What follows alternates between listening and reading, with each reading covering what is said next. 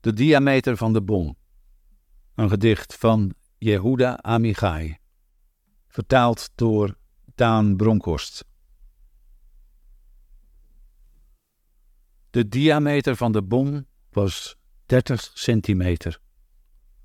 En de diameter van zijn effectief bereik ongeveer 7 meter. En daarbinnen vier doden en elf gewonden.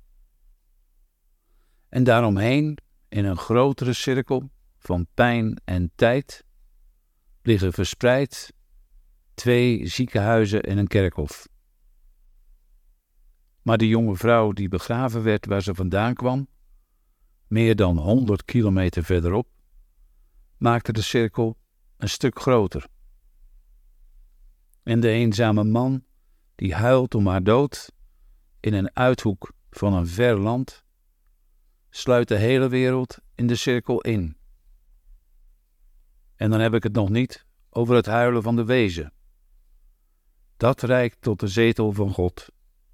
En daar voorbij, wat de cirkel zonder grenzen maakt. En zonder God.